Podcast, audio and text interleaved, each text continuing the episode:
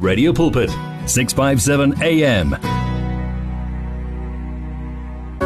Our family is just getting bigger and bigger. Welcome to 657 AM. Eh sesekusona isigaba sokuqala kwamanje asitholeke imotivation ngo Puti unkululeko khanye. Sawubona mfowethu.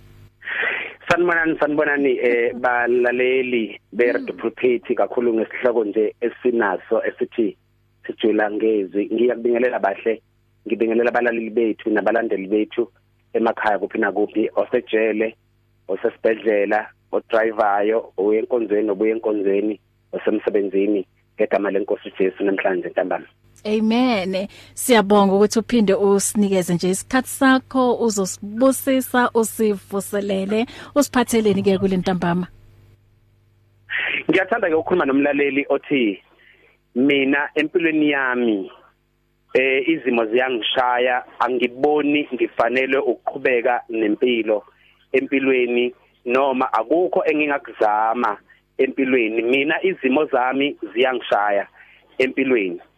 One kungenzeka zikushaya ekhaya kungenzeka zikushaya emndenini wakini kungenzeka zikushaya emshadweni wakho kungenzeka zikushaya emsebenzini kungenzeka zikushaya ebhizinisini. Kungenzeka izimo ziopposa ngisho ebandleni. Mina izimo ziyangishaya kungani mina angifanele ukuphila? Bahle abantu abangibuka ku TV everyday nababhala lapha kuma social media einkundleni zokuxhumana bathi kululeko is such a blessing mangihlangana nabantu kuma malls abantu bethi inkululeko sicela ukuthatha isithombe nawe this ama selfie nawe because it's such an inspiration. Uyasibusisa uyayakha impilo yethu. Abanye baze bebhale bahle bathi kimi izinto zikuhambela kahle nakuwena bahle ngiyacabanga abaningi abakhuluma lawo mazwi. Nakuwena bathi izinto zikuhambela kahle wena bahle empilweni. Kanti abazi ukuthi bahle sikhala siyaphambili zithi zisaya izimo kodwa sikhale inyembezi sithi siyaphambili sithi asiye emuva. Ngifuna ukutshela umlaleli olalele njengamanje ukuthi yebo singanibusisa eredweni njengamanje nobahle kodwa zikhona lezi zinto ezisishayayo nathi ezilwa nathi nezisiopposayo kodwa asibheki izimo ezilwa nathi neyifuna ukuzoqeda nathi nawo umndeni wethu nawo kwempilo yethu it can be social it can be mentally kodwa sikhala siya phambili. Ngizothi kumlaleli olalele njengamanje ngenzeka ingane yakho ungumfundisi uhola ibandla uyababusisa ebandleni lakho ibandla lakho likhulu kodwa abantwana bakho baya off rampa abenzi ngalendlela o expect ukuthi abantwana bakho kubenze ngayo. Kungenzeka uma wami or ubaba wami umshado wakho ubambile uyayibamba imishado yabanye abantu ephunyukayo abadivorceayo left and right kodwa wakho umshado njengamanje uyazi kahle ukuthi ubhlungu ukhala inyembezi wazi kahle ukuthi umyeni wakho angakuphunyuka noma ngayinini bahle ngiye ngibatshela abantu ukuthi ngesinye isikhathi mina personally njengonkululeko ngibusisa abantu emhlabeni kodwa kunalezi zimo ezikhona ezivukayo emndenini wakithi. Lalela ke mlaleli ngifuna ukukusiza. Lezo zimo ezisuke zivuka emndenini eyivuka abantu abanye yababusisa bethi kodwa thina akasibusisi ubahle emsakazweni. Uyasibusisa ubahle emsakazweni kodwa ekhaya thina akasibusisi. Lalela khala uyaphambili zikushaya lezo zimo zenzeka lezo zinto untshontshele ebhizinisini lakho kodwa khala uyaphambili impilo i risk bahle impilo idinga abantu abanesibindi. Impilo bahle idinga abantu abazoqinisela. Impilo idinga abantu abazothi sengintshontshelwe sengiphoxiwe sebesho konke abantu ngiyazi usiyo boyfriend wakho ngiyazi kungenzeka uyakhala njengamanje ithemba lakho ubulibeke kuhusband wakho ubulibeke kwinganeni yakho ubulibeke kugirlfriend wakho kodwa ukuphoxele wakuthithela impilo yomuntu wasemhlabeni. iBhayibheli likhulume kahle uma ekhuluma uDavid uthi ubusisiwe umuntu othemba lakhe likuNkulunkulu azathi mayekhuluma uDavid unjengama roots unjengeintambo unjenge njengeintambo noma unjenge njengama roots anabela njalo emfuleni alanda khona amandla ngizothi kuwena mlaleli lezi zimo ezikushayile njengamanje nalezi zimo ezikushayile nalabantu ezisakushana manje nabakuphoxile ubusisiwe ongeza ukuthemba abantu. Kaningi thina bahle siphoxwe ngabantu ebesibathanda sabaxoxela izimo zethu sabaxoxela inkinga zethu ngoba sibathanda sibethemba.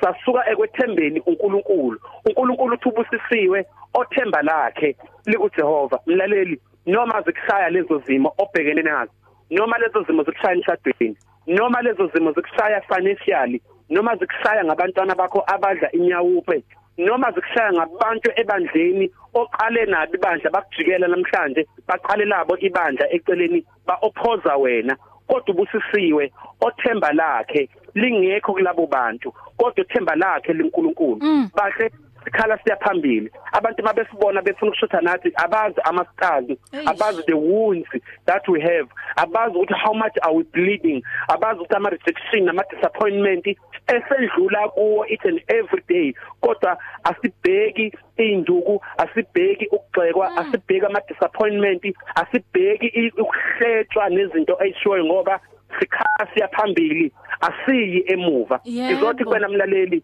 ungabheki emuva la uqhamba khona kodwa phikelela ngesango elincane la uye khona because you are called for great things for greatness. Izima zithi mayifika uthi kodwa mina I'm called for great things. I'm not a tail I am a head. I'm not Amen. going to allow for great things. Circumstances. Angeke ngivumele abantu baqede ngami ngoba kukhona la ngiyakhona ungasabheki emuva abantu abakuphoxile nezimo ezikushayile nezinto abayintshontshile kuwena. Khala uya phambili vuka uyibuthe kusasa soqala ivikelisa siyoqala inyanga entsha next week. Khala uya phambili uthi angiye emuva kodwa ngiyaphambili sekwenzeke konke. Ey, sho. Futhi inkululeko yo uyazi izimo zingashaya empilweni. Kodwa into emqoka ukuthi singayilweli thina inkinga ukuthi sifuna ukuyilwela and thina amandla ethu ayaphela ayaphelela manje bahle kaningi yes. abantu begijime beye kwamhlaba yalingana bayofuna amandla bayofuna amandla kwamanye amadoda azofa ngelinye ilanga kodwa le ndoda esiyithembayo ayifi imile njalo Mm. Mm. Izwi liyasho ukuthi for our struggle is not against flesh and blood but Yes. against the rulers against the authorities against the powers of this dark world and against the spiritual forces of evil in the heavenly realms so uyabona uma singayi singaqonda ukuthi le scriptures thini sizoyeka ukuthi silwele ngoba eqinisweni nje ama challenges ehlezi ekhona ukuthi nje thina uma sibhekana nawo siwabheka ka si, si siwabheka kanjani? And then isixazululo sifuna ukuthi si, si, si sibe khona ngayipi indlela. Eh but inkuleko kunama eh, messages lana. Um u i eh, u Ayanda Dube uthi mm Nkosi yami very powerful motivation sister Bahle. Siphokophele phambili noma izimo zikhona. Uthi thank you so much bazalwane. Eh omunye la uthi sisibahle sibusekile futhi siyavuseleka. So ungawuyeki lo msebenzi um Butwam uqhubeke nje ubabusisa abantu. Siyabonga bahle. Sifuna ukusonzala kubalaleli ukuthi inkinga enibhekana nazo akuwena wedwa. Nami kuneyinkinga ezingishayayo kodwa ngikhala ngiyaphambili. Ayikho inkinga mayifika kuwena mlaleli ungayinesi inkinga uma ubhekene nayo ngoba the more unesa inkinga nesimo obhekene naso inkinga iyanda iyakhula ibe nkulu kakhulu. Kanti umuntu athi noma ene situation noma enesimo kodwa abe nethemba ukuthi lokhu aphelile ngami. Kungenzeka namhlanje kodwa kusasa ngizoba ngihleka. Injabulo njalo isekuseni. So ke umlaleli akabe nalento ukuthi ngenyanga ephelile zenzakala ngezinto kodwa siya kuNovember manje kuzokwenzeka izinto. 2019 bengikhala 2020 kodwa ngizovala sengijabula sengihleka ngoba yena akathule okungenzeka ebantwini kuyena kuyenzeka. We 225 uthi uNkulunkulu he restore iminyaka Ah. entshontshwe usathane konke okulahlekile ngawe kene bentwaneni can be emshadweni can be business it can be emsebenzini osebenza kuwona it can be emphakathini. Konke okulahlekile uNkulunkulu is faithful to restore. Only umuthemba yena ukhala uyaphambili. Uthi angiye emuva. Kodwa ngiyaphambili. Mm. Ukhalimambo uthi amen ku motivation siyabonga. But inkuleko before ngizokudedela ngicela nje ukuthi sikhulekele wonke umuntu okuwukuthi kwamanje ubhekane nesimo esinzima. Omunye uthi angazi ukuthi elakusasa usuku ngizolibhekelwa ngubani. Eh kunomunye futhi umlaleli na lana nawe uyasho ukuthi i need prayer more than forever kusho ukuthi kunzima kunzima. Ngicela ukuthi sikhuleke nawo wonke nje umuntu. Ngiyabonga kakhulu bahle. Ngiyacela kumlaleli wonke olalele njengamanje ekhaya. Eh uNkulunkulu lohlelo namhlanje olwenza ngenye indlela because uNkulunkulu ufuna wena usizakale. Mm. izwi kaNkulunkulu ngiyathanda nje bahle kulama minute ambala ungakangidebheli. Lithi ke indodakazi kaJariyo eBhayibhelini ayifunanga nokubeka izandla. Abantu baya enjoy ukubeka izandla. Kanti into eyasiza iBhayibheli lithi asibabeke izandla it's not against mm. ukubeka izandla. Abantu bengangizwa kabi abafundisi nencebo kaNkulunkulu.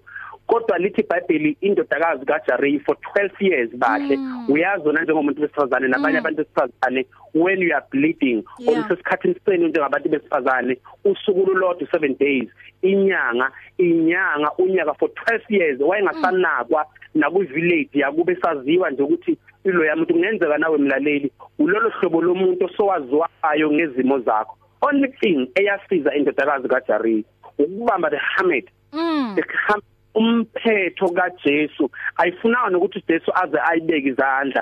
Kodwa yathi nje Jesu uma ngabamba umphetho wengubo yakho isituation yami ingashintsha. Ngizothandaza nabalaleli manje.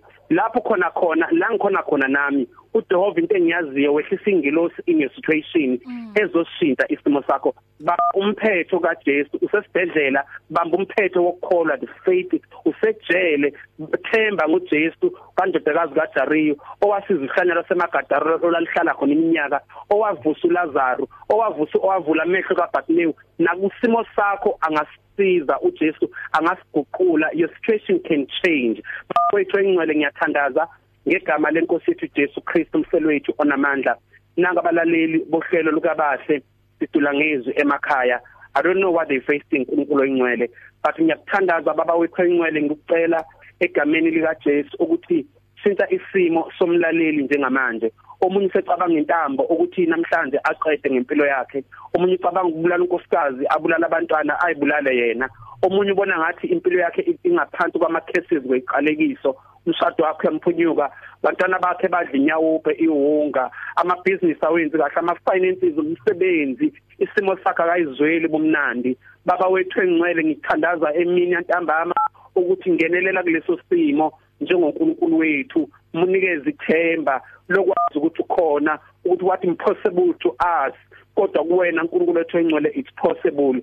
Wena uNkulunkulu wethu engcwele ungashintsha isimo sanoma ngayimuphi umuntu esehlekiwe esedeliwe eserayithwe off sekukhulunywe konke nasemphakathini. You are able to do exceedingly beyond his thought or her thought ngegama lika Jesu baba ngiyakuthandaza. Isimo salamlaleli umpha amandla oqala ivikelisa nenyanga ngenhla kaNovember nonyaka ka2020 sesiyophetha akubone njengoNkulunkulu ukuthi sekhona futhi uyamthanda nakulobo buhlungu nenyembezi asekhala zona iminyaka. Namhlanje inkosi ngikhuluma isibusiso phezulu kwempilo yabalaleli bonke abasilalelayo ukuthi izimo zabo zishintshe ziguqulwe ngegama lenkosi yethu Jesu Kristu onamandla nesimethembile Amen. Amen. Us umam Lerato Muloyi uthi yena uyaphambili uthi kiyapili no matter my present situation. Eh buthi Nkuleko sibongile ukuthi usibusise kulenyanga yonke ka October uyazi sithole amazwi um aphilisayo. Uyazi nakuloyo okuwukuthi bekalahlekelwe ithemba i believe ukuthi la ekhona. Um uyazi sekayishintshile ingqondo impilo sekayibuka ngendlela e positive thank you so much ukuthi usibusise. Sikuthola kuphi? Angibonge kakhulu kuwena bahle ngibonge nemanagement ye-radio pulpit. Abalaleli abaqhubeke bekulandele bahle abaqhubeke belalele i-radio pulpit kakhulu. Uhlelo lwakho lunamandla eh sidila ngezwi. Ngiyanicela abalaleli qhubekane nemsupport ubahle nimsebenzise. Is called for god eh empilweni zethu ukuthi iguqule. Ngiyacela ke balaleli bonke nje abafuna ukuxhumana ukuxhumana nami. Abayi lapha ku Facebook nje Instagram no Twitter uthi nje inkululeko khanyi ngicabanga ukuthi mina kuphela unkululeko khanyi osaphethele izindaba ezingaka engisayikhuluma. Eh ofuna inamba ofuna inamba zami zithi ke 079 791 3300 079 791 3300 kanti ke futhi sine page bahle ngiyacela ukubanikeza abalaleli lithi nje ungazibulali awareness campaign ungazibulali mlaleli ungazibulala ungabulala unkosikazi nabantwana bakho. Mm. Noma ngabe isiphi isimo mm. obhekene naso mm. wena uNkulunkulu uyakuthanda. Ngiyabonga kakhulu bahle ukungipha lethuba ongiphelona ngiyathemba nangelinye ilanga niyophinde nginizithuba ku Radio Pulpit sizonikeza abalaleli ithemba empilweni zethu baba. Ngiyathembisa ukuthi ngempela uzobuya for sure. God bless you. Asithi imihla ngemihla. Amen. Many people across South Africa are being blessed and encouraged by the Radio Pulpit devotional magazine, The Word for Today. This publication places the gospel of Jesus Christ in the hands of more than 100,000 people every day, inspiring every person, from the professional businessman to the needy person who lives on the streets. Each edition contains daily scripture based devotionals and inspiring articles to help you grow spiritually. The booklet is given with the compliments of Radio Pulpit, but your donation, large or small, will help us to print the next edition and continue being the hope of the gospel to a world in desperate need. The word for today. Get yours today on 012 334 1200 or subscribe online at www.radiopulpit.co.za. Radio Pulpit, your daily companion. Get your daily bread, but also your faith in practice. It's 657 AM. The sounds of your life.